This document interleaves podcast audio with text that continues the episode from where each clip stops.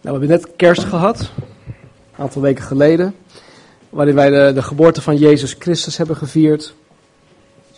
En zoals gebruikelijk uh, leggen we de nadruk bij de kerst altijd op de geboorte van Jezus. En we hebben het gelegd op het feit dat de op zichzelf bestaande God, de schepper van hemel en aarde, een kwetsbaar mens van vlees en bloed is geworden, om ons te verzoenen met God de Vader.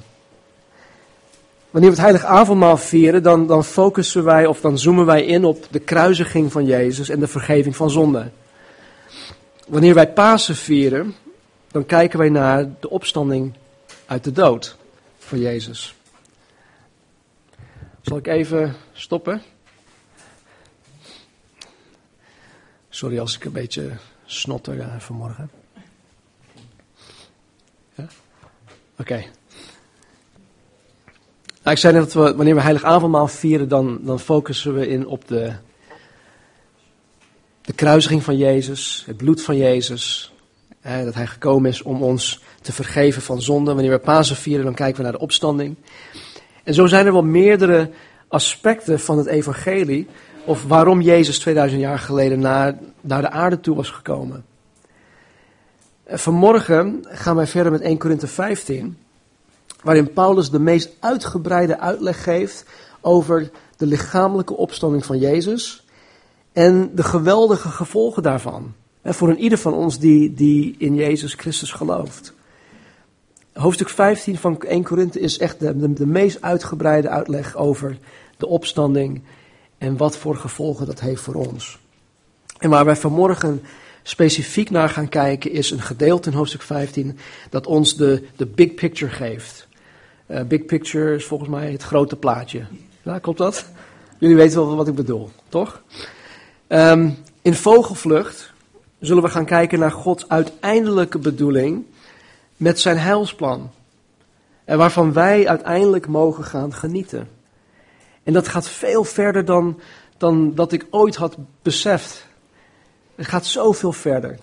En ik hoop dat wij vanmorgen iets kunnen zien van van wat God uiteindelijk met ons van plan is. En dat is zo mooi. Laten we lezen vanuit 1 Korinthe 15, beginnend met, um, met vers 20. Maar nu, Christus is opgewekt uit de doden en is de eersteling geworden van hen die ontslapen zijn. Want omdat de dood er is door een mens, is ook de opstanding van de doden er door een mens. Want zoals allen in Adam sterven, zo zullen ook in Christus allen levend gemaakt worden. Ieder echter in zijn eigen orde. Christus als eersteling, daarna wie van Christus zijn bij zijn komst.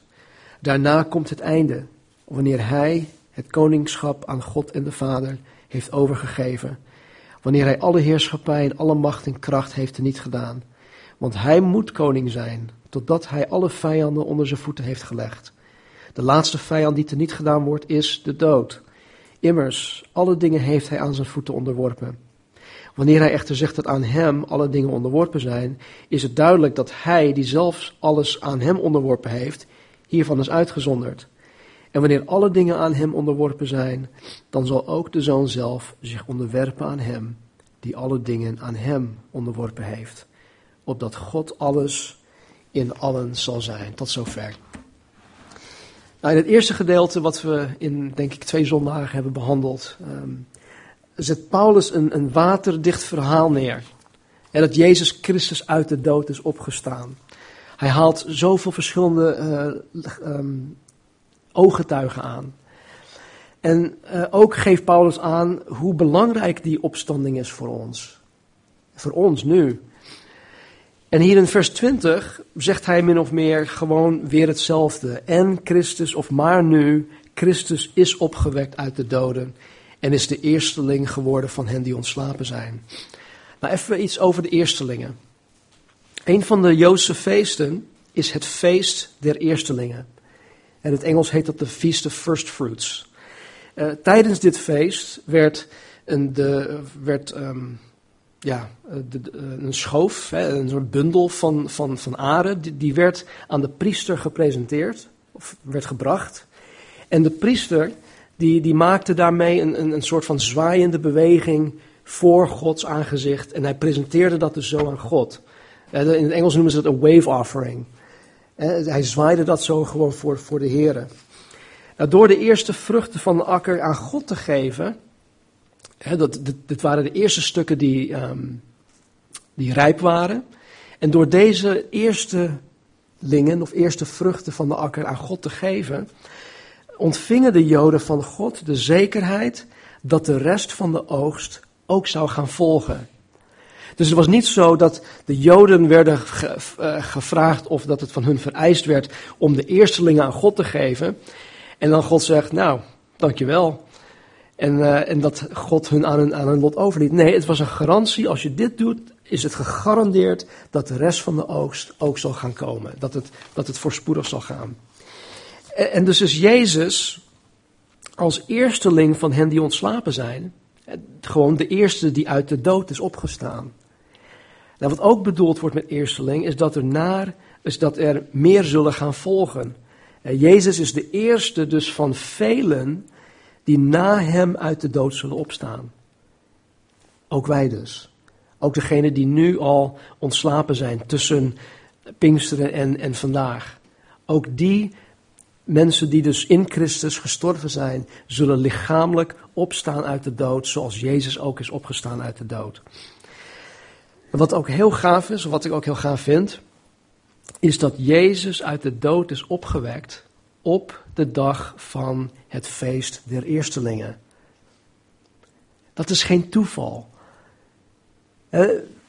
op, op Pascha, het paasfeest, is Jezus gekruisigd. En drie dagen later is hij opgestaan. Hij is opgestaan op de dag van het feest der eerstelingen. En ik denk dat je, dat, dat je hierin gewoon ziet hoe nauwkeurig God is in, in alles wat hij heeft bedacht. Tot in de kleinste details aan toe. Vers 21. Want omdat de dood er is door een mens, is ook de opstanding van de doden er door een mens. Want zoals allen in Adam sterven, zullen ook in Christus allen levend gemaakt worden. Nou, elk mens um, is het nageslacht van Adam. En elk mens heeft daardoor de zondige natuur van Adam geërfd. We komen er niet onderuit. Het is eenmaal zo. Ben je een, levend wezen, ben je een mens, ben je hier op aarde geboren na Adam, dan ben je een nakomeling van Adam en je hebt zijn zondige natuur geërfd. Nou, het lastige hiervan is dat door Adams toedoen um, krijgen wij dus allemaal te maken met de dood. Iedereen sterft. Er zijn geen uitzonderingen. We sterven allemaal. Maar Jezus zegt in Johannes 11:25: Ik geef de doden het leven terug. Hij zegt: Ik ben zelf het leven. Wie in mij gelooft, zal leven, zelfs als hij gestorven is. dus hij spreekt hier van een lichamelijke opstanding. En ieder mens die tot bekering is gekomen, die wedergeboren is door de geest van God, die is in Christus, zoals er hier staat in vers 22. En van deze mensen, dus mensen die in Christus zijn, zegt de Bijbel dat zij een lichamelijke opstanding uit de dood zullen ondergaan. Dat zal gebeuren. Dat hebben wij, daar hebben wij vanmorgen ook over gezongen. Vers 23. Ieder echter in zijn eigen orde. Christus als eersteling, daarna wie van Christus zijn bij zijn komst. Hier geeft Paulus de volgorde aan. Jezus is de allereerste die uit de dood is opgewekt. En misschien denk je van, nou oké, ehm, hoe, hoezo is Jezus de allereerste? Hoe zat het dan met, met uh, de twaalfjarige dochter van Jairus in Lucas hoofdstuk 8? Die is ook uit de dood opgewekt. Uh, of hoe zit het met Lazarus in Johannes 11? ze waren allebei gestorven en waren allebei uit de dood door Jezus opgewekt.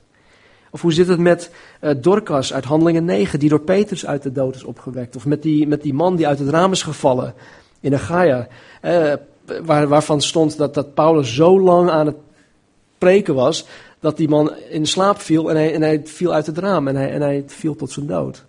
Vanuit driehoog. Wat deed Paulus? Paulus ging naar beneden toe en wekte hem op uit de dood. Nou, deze mensen die zijn wel uit de dood opgewekt, maar het was een andere, andere opwekking. Deze mensen waren als het ware gereanimeerd. Het leven was hun, hun, hun sterfelijk lichaam weer ingeblazen en ze kwamen weer tot leven. Maar ze hebben de rest van hun aards leven in hun sterfelijk lichaam doorgebracht. Terwijl Jezus in een ander lichaam is opgewekt. Want al deze mensen zijn stuk voor stuk, hè? Uh, Lazarus, uh, Dorcas, uh, Eutychus en die andere, de twaalfjarige dochter van Jair, die zijn allemaal weer gestorven. Maar Jezus werd niet gereanimeerd zoals deze. Hij is door de kracht van God lichamelijk opgewekt en hij is verheerlijkt. Jezus werd uit de dood opgewekt in een, in een ander soort lichaam. Een verheerlijk lichaam die nooit meer zal sterven. En hij zal in dit verheerlijk lichaam, verheerlijk lichaam voor eeuwig blijven bestaan. Hij zal voor eeuwig blijven leven. De dood heeft totaal geen vat meer op Jezus, op dit verheerlijk lichaam. Dus Jezus is de eersteling. Jezus is de allereerste die dit meegemaakt heeft. En daarna volgen de rest. En wie zijn de rest? Wie van Christus zijn. En wanneer gebeurt dat? Bij zijn komst. Deze lichamelijke opstanding uit de dood, van wie in Christus zijn, dat zijn wij, de, de gelovigen, dat gebeurt niet in, in één keer. Dat, het gebeurt in fases. Alle gelovigen die vanaf Pinksteren, handelingen hoofdstuk 2, de geboorte van de gemeente, alle gelovigen die vanaf dat moment tot geloof zijn gekomen en die reeds gestorven zijn, tot op de dag van vandaag, zullen bij de opname van de kerk lichamelijk uit de dood opstaan. In 1 Thessalonicense 4, 16 lezen we dit. Want de Heere zelf zal met een geroep, met de stem van een aartsengel en met een bazuin van God neerdalen uit de hemel. En de doden die in Christus zijn, dus de doden die geloven, zullen eerst opstaan. Vers 17. Daarna zullen wij, die levenden, die overgebleven zijn, samen met hen opgenomen worden in de wolken naar een ontmoeting met de Heer in de lucht. En zo zullen wij altijd bij de Heer zijn. Dus de eerste opstanding van de doden, van de mensen, de gelovigen uit de dood, is bij de, de opname van de gemeente. Dat is nog niet de wederkomst. De wederkomst is iets anders. Maar de opname van de gemeente. En dat kan elk moment gebeuren. Er staat niets meer te gebeuren vanuit een profetisch oogpunt uh, dat, dat de, de opname van de gemeente uh, zou kunnen weerhouden. Dus dat kan elk moment gebeuren. En vanaf dat moment luidt de periode in van de grote verdrukking dat zeven, dat zeven jaar, jaar lang duurt. En dat omschreven wordt in openbaring 6 tot en met 19. Als je wil weten hoe die zevenjarige periode van onderdrukking uit, eruit ziet, lees openbaring 6 tot en met 19. Het is verschrikkelijk. Dat wil geen mens meemaken. En daarom zijn wij hier om de mensen te vertellen om dat juist niet mee te hoeven maken. Nou, na deze zevenjarige periode, eh, de grote verdrukking, komt Jezus terug op aarde om voor duizend jaar te gaan regeren. En dit is wat de Bijbel noemt de wederkomst van Jezus Christus.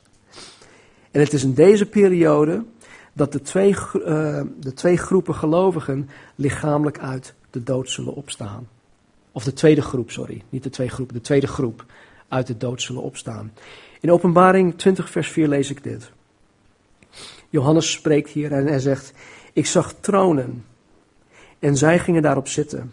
En het oordeel werd hun gegeven. En ik zag de zielen van hen die onthoofd waren om het getuigenis van Jezus en om het woord van God, die het beest en zijn beeld niet hadden aangebeden, die het merkteken niet ontvangen hadden op hun voorhoofd en op hun hand. En zij werden weer levend en gingen als koningen regeren met Christus duizend jaar lang. Dit zijn de mensen die tijdens de grote verdrukking tot geloof zijn gekomen in Jezus Christus.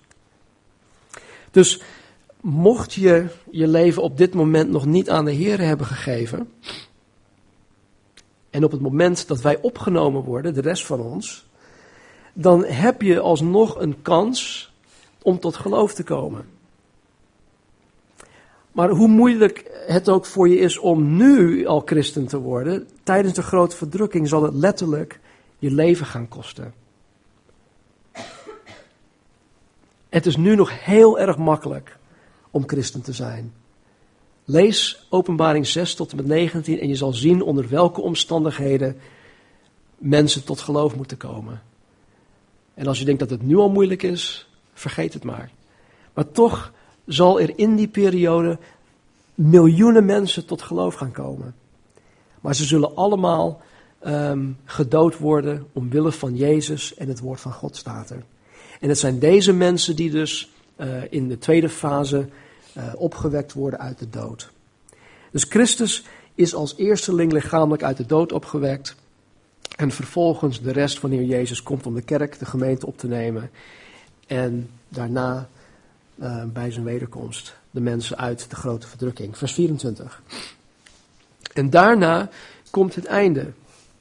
Wanneer hij het koningschap aan God de Vader heeft overgegeven. Wanneer hij alle heerschappij en alle macht en kracht heeft niet gedaan. Eh, het, het einde hier, waar Paulus het over heeft, betekent niet alleen een soort van eindpunt van het leven zoals we die nu kennen. Eh, het spreekt juist van de voltrekking of van de, um, de vervulling van Gods totaal heilsplan. Het, het, het einde van, van wat God voor ogen heeft. En een deel van de vervulling van Gods heilsplan is dat Jezus alle vijandige heerschappij, macht en kracht volledig heeft uitgeschakeld. Alles wat wij zien in deze wereld hier op aarde, eh, wat, wat, wat kwaad is, wat boos is, wat vijandig is tegenover God, dat wordt geheel uitgeschakeld. En niet alleen wat, wat zichtbaar is, maar juist de machten en de krachten en de heerschappijen die achter deze dingen schuilen. Satan en zijn demonen, die worden helemaal uitgeschakeld. Dus de laatste daad van Gods heilsplan die Jezus zal uitvoeren, is de volledig en blijvende overwinning van al Gods vijanden. Hij zei aan het kruis, het is finished, het is volbracht. Maar wat daar was volbracht was maar een gedeelte van het totaalplaatje. Wat nodig was, was op dat moment volbracht, absoluut. Maar pas aan het eind, waar we, waar we het hier nu over hebben, dan kan Jezus uiteindelijk zeggen van, oh, het is nu helemaal volbracht. Volkomen volbracht. Elke overheersing, macht en kracht die zich tegen God heeft, heeft, heeft opgeworpen, die zal voor eeuwig uitgeschakeld worden. En nooit meer zal de boze, nooit meer zal Satan de mens meer misleiden of verleiden of bedreigen. Nooit meer zal, dus, zal Gods schepping worden besmet of verdorven door, door Satan of door, door Gods vijanden. Jezus zal in die tijd al Gods vijanden uitschakelen. En dan staat hier, zal Jezus de wereld overhandigen aan de rechtmatige eigenaar, God de Vader. Wisten jullie dat, dat Satan een, een soort van. Um, um, hij heeft op tijdelijke basis heeft hij um, het recht gekregen op de aarde, het wereldsysteem. Maar het is tijdelijk. Het is niet volledig. Er, er zal een eind aankomen. En dus alles wat wij, wat wij nu zien om ons heen, alles wat wij nu meemaken, ook in, in, in de geestelijke strijd die wij dagelijks meemaken, dat, dat laat God allemaal toe. God heeft hem dat gegeven. Het is niet dat wij tegen een, een vijand vechten en, en dat het allemaal hopeloos is. En oh man, wanneer komt er nou een eind aan? Nou, er komt een eind aan. Maar alles wat ons overkomt, gaat niet buiten Gods weten om. God laat het toe. En wanneer we dingen zien gebeuren, dan kunnen we ook zeggen, en dat bedoelt God ook mee, met, met, met, volgens mij met Romeinen hoofdstuk 8, vers 38 of 28, dat alle dingen werken mede ten goede. God laat het toe. En maar dan, op het moment waar we het nu over hebben, dan zal alles hersteld worden zoals God het altijd heeft gewild. Er zal geen zonde meer zijn. En God zal als de Allerhoogste regeren, zonder enig tegenstand, zonder enige vijand, zonder enig ellende zoals we die nu kennen. En dan komt het tot uiting, hè, wat, wat, wat we zien en wat we lezen, wat we ook zingen, dat Jezus de koning der koningen is, de Allerhoogste. Vers 25 en 26. Want hij, Jezus, moet koning zijn totdat hij alle vijanden onder zijn voeten heeft gelegd. De laatste vijand die teniet gedaan wordt, is de dood. Het, het overgeven, oftewel het overhandigen van het koningschap over de gehele schepping aan God de Vader, dat, is niet, dat gebeurt niet in, in, in, in een oogwenk. Dat is een proces. Het is een proces waarin Jezus Christus als koning der koningen moet regeren. En dit gebeurt tijdens het duizendjarige rijk na zijn wederkomst. Het, het onder zijn voeten leggen van alle vijanden spreekt van een totale overwinning en uitschakeling van deze vijanden. Hij zal ze volkomen uitschakelen. En de laatste vijand die uitgeschakeld zal worden is de dood. De dood is dan de laatste vijand. En het gaat om de geestelijke dood, het gaat om de lichamelijke dood en de eeuwige dood. Dit was nooit Gods bedoeling voor zijn schepping. Dat was nooit Gods bedoeling voor de mens. En de dood kwam door, door de Satan. De dood kwam door de Satan. In Hebreeën 2, vers 14 lezen we dit. Omdat wij, wij mensen van vlees en bloed zijn, is Jezus ook een mens van vlees en bloed geworden. Want alleen als mens kon hij sterven en zo de duivel die de macht over de dood had, machteloos maken. Satan heeft de macht over de dood. Hij, hij wordt genoemd de vorst van de dood. Hij regeert over de dood. Hij heeft de dood in handen. Hij heeft het bedoeld om de mensheid te vernietigen. En in Johannes 8:44 noemt Jezus Satan een mensenmoordenaar, mensenmoordenaar vanaf het begin. De dood volgens het Centrum van Bijbelonderzoek, wordt hier geper, gepersonifieerd als een boze macht die de mensheid in zijn greep heeft. Maar hij wordt vernietigd. Er zal geen dood meer zijn. De reden, geloof ik, dat Paulus dit allemaal aanhaalt, is om duidelijk te maken dat als er geen lichamelijke opstanding uit de dood mogelijk is, dan is Jezus nooit uit de dood opgestaan en dan zal er niemand zijn om te regeren, dan zal er niemand zijn om uh, alle vijanden van God uit te schakelen. Dan hebben wij geen hoop, dan hebben wij geen toekomst. En dat probeert Paulus de Corinthiërs duidelijk te maken. Immers, vers 27. Alle dingen heeft hij aan zijn voeten onderworpen. Wanneer hij echter zegt dat aan hem alle dingen onderworpen zijn, is het duidelijk dat hij, die zelf alles aan hem onderworpen heeft, hiervan is uitgezonderd. Met andere woorden, ja, God de Vader heeft alle dingen aan Jezus onderworpen, behalve zichzelf. En dat lijkt me logisch. God is de Vader en hij blijft de Vader. En Jezus is de Zoon en blijft de Zoon. Dat is de, de, de autoriteitsstructuur die God zelf binnen de drie-eenheid heeft bedacht. Op het moment, of nee, even kijken. Waar zijn we gebleven? Vers 27, ja. 28. En in vers 28 staat: Wanneer alle dingen aan hem onderworpen zijn, dan zal ook de zoon zichzelf of zelf zich onderwerpen aan hem die alle dingen aan hem onderworpen heeft, opdat God alles in allen zal zijn.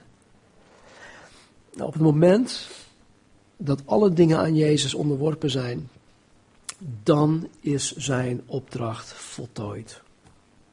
Dan is die klaar. Dan is hij klaar met het vervullen van Gods heilsplan. Dan is het helemaal af. En dan gaan we pas genieten van wat God vanaf het begin eigenlijk bedoeld heeft met de schepping. En op het moment dat Jezus helemaal klaar is, dan zal hij zichzelf onderwerpen aan God de Vader. En maar toen ik dat las, toen moest ik meteen denken, maar ja, hoe zat het met al die andere keren dat hij zichzelf aan God had onderworpen? Want door de evangeliën heen zien wij dat Jezus telkens zegt, niet mijn wil, uw wil geschieden. Mijn, mijn eten of mijn voedsel is, is om, om de wil van God de Vader te doen. Dat is mijn lust en mijn leven. Dus door zijn hele leven heen zien wij dat hij zich aan de Vader heeft onderworpen. Sterker nog, niet alleen het leven hier, vanaf het moment dat er in de hemel besloten werd dat Jezus naar de aarde, überhaupt naar de aarde toe zou komen om een kwetsbaar mens te worden, had Jezus zichzelf al onderworpen aan de Vader. En door de eeuwen heen heeft hij dat gewoon gedaan. Nou, het onderwerpen aan de Vader wil niet zeggen dat Jezus minder is dan de Vader, maar het spreekt gewoon van een bepaalde orde. Het spreekt van een, een autoriteitsstructuur die in de drie eenheid bestaat. God de Vader, zoals ik zo even al zei, zal voor eeuwig de Vader zijn en God de Zoon zal voor eeuwig de Zoon zijn. En, en, en doordat Jezus alle vijanden van God uitgeschakeld zal hebben, door het koningschap over de schepping aan de Vader overhandigd te hebben, en door zichzelf aan de Vader onderworpen te hebben, zal het ultieme gaan gebeuren. Het uiteindelijke, het ultieme zal op dat moment gaan gebeuren. En dat is dit. Opdat God alles in allen zal zijn. Alles in allen. Uiteindelijk zal God de Vader over alles in volkomen liefde en rechtvaardigheid regeren en heersen. Alles zal in harmonie zijn met God. Alle gelovigen, de gehele schepping zullen één zijn met God.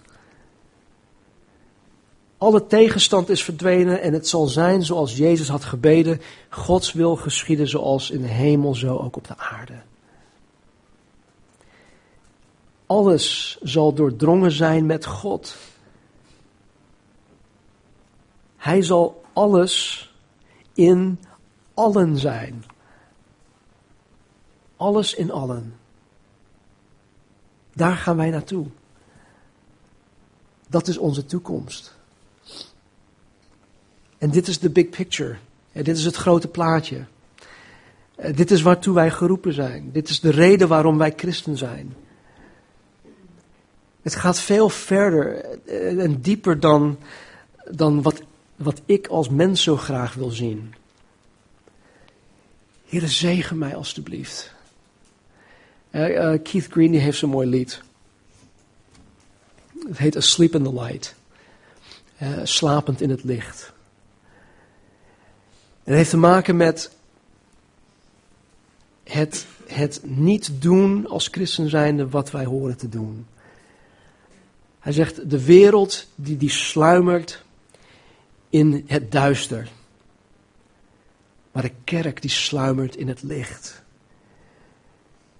En dan,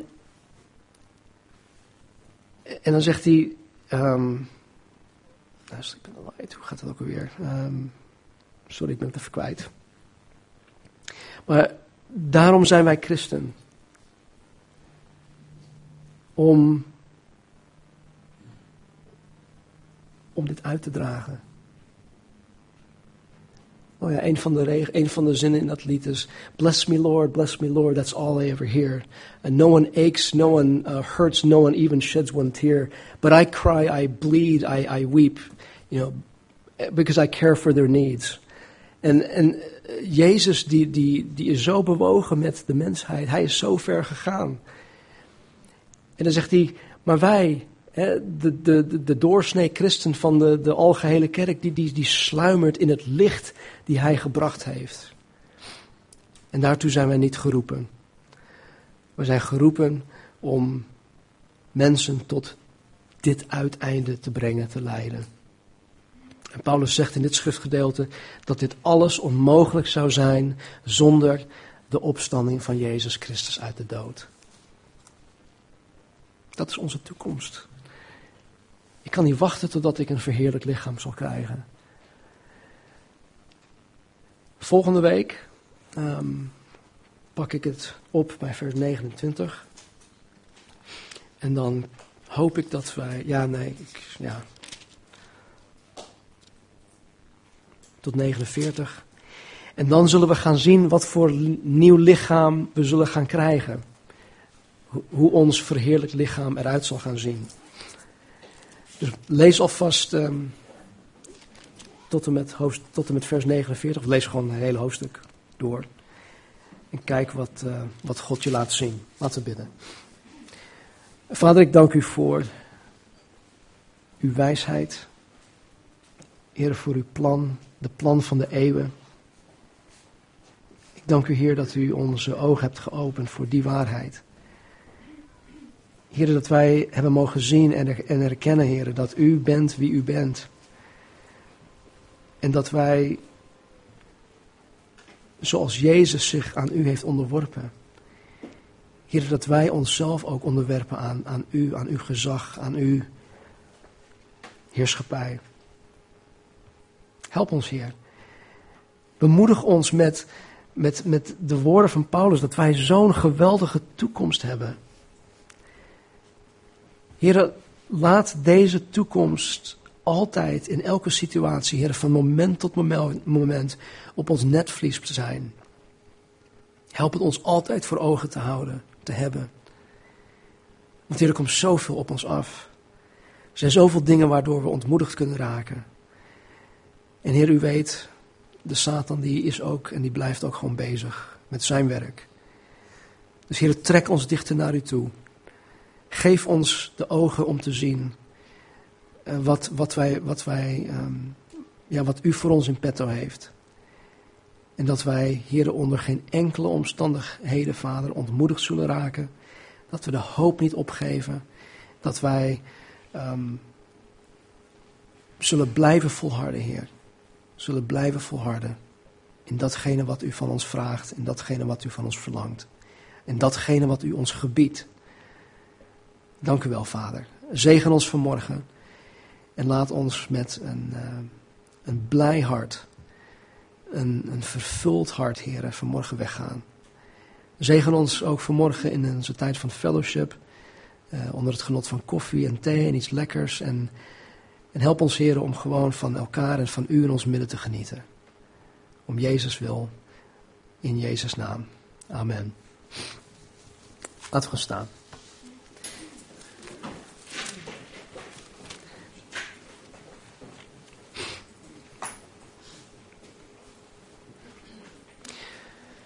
Paulus zegt dit in 1 Thessalonicense 4. Hij zegt, ik wil niet, broeders, dat u onwetend bent ten aanzien van hen die ontslapen zijn, opdat u niet bedroefd bent zoals ook de anderen die geen hoop hebben.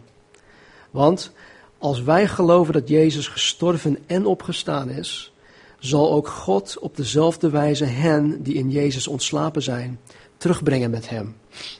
Want dit zeggen wij u met een woord van de Heere dat wij die levend zullen overblijven tot de komst van de Heer, de ontslapenen beslist niet zullen voorgaan. Want de Heere zelf zal met een geroep, met de stem van een aartsengel en met een bazuin van God neerdalen uit de hemel. En de doden die in Christus zijn, zullen eerst opstaan. Daarna zullen wij, de levenden die overgebleven zijn, samen met hen opgenomen worden in de wolken, naar een ontmoeting met de Heer in de lucht. En zo zullen we altijd bij de Heer zijn. Zo dan, zegt hij, troost elkaar met deze woorden. Troost elkaar met deze woorden. Wees daarin gezegend. En maak deze woorden je eigen. Ik vind het zo gaaf. Rick, die, uh, wanneer ik een mailtje stuur, of wanneer hij dan, dan zegt hij gewoon 1 Thessalonicense 4:16. Hij heeft zijn ogen altijd gericht op de opname van de gemeente, de, of de wederkomst, de toekomst. Laten wij ook die gezindheid hebben deze week. Om ons te richten op wat voor ons ligt. En om te vergeten wat achter ons ligt. Omwille van zijn naam. In Jezus' naam. Amen.